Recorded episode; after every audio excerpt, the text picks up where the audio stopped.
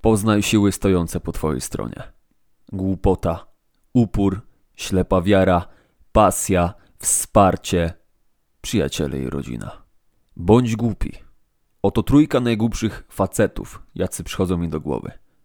Charles Lindbergh, Steve Jobs i Winston Churchill. Dlaczego?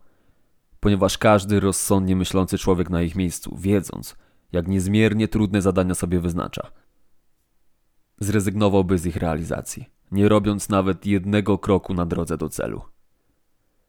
Ignorancja i arogancja to niezbędni sprzymierzeńcy artysty i przedsiębiorcy.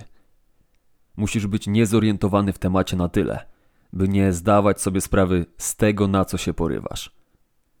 Musisz być też na tyle próżny, by wierzyć, że niezależnie od wszystkiego uda ci się zrealizować twoje zamiary.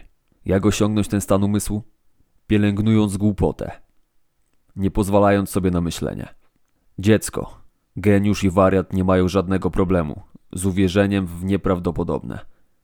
Tylko ty i ja tego nie potrafimy.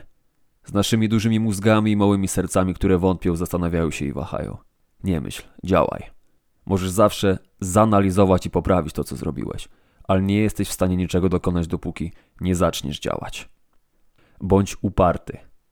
Gdy zaczniesz działać, najgorsze, co możesz zrobić, to zatrzymać się. Co cię przed tym uchroni? Stary, dobry upór. Podoba mi się idea uporu, ponieważ jest mniej wniosła niż nieustępliwość czy wytrwałość. Nie musimy być bohaterami, by kierować się uporem. Możemy po prostu być uparci jak osły. Kiedy jesteśmy uparci, nie ma w nas miejsca na rezygnację. Jesteśmy podli, nie odpuszczamy, jesteśmy wredni, walczymy aż do końca. Zatopimy nasze zębiska w cielsku oporu i nie wypuścimy go, obojętne jak mocno będzie się wyrywał. Ślepa wiara.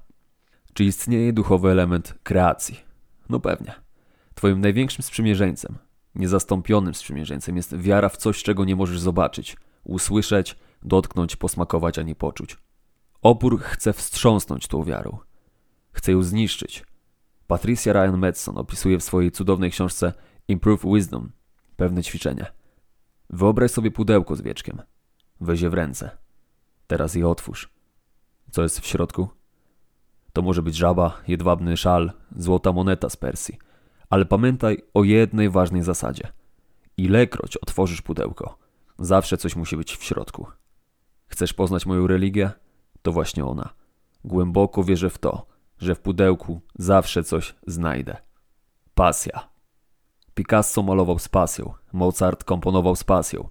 Dziecko z pasją bawi się przez cały dzień. Możesz pomyśleć, że straciłeś swoją pasję, albo nie wiesz, czym ona jest, albo masz jej w sobie tyle, że niemal cię ona przygniata. Żadne z tych stwierdzeń nie jest prawdą.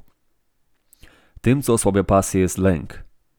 Kiedy pokonujesz lęk, odkrywasz bezgraniczne, bezdenne, niewyczerpane źródło pasji.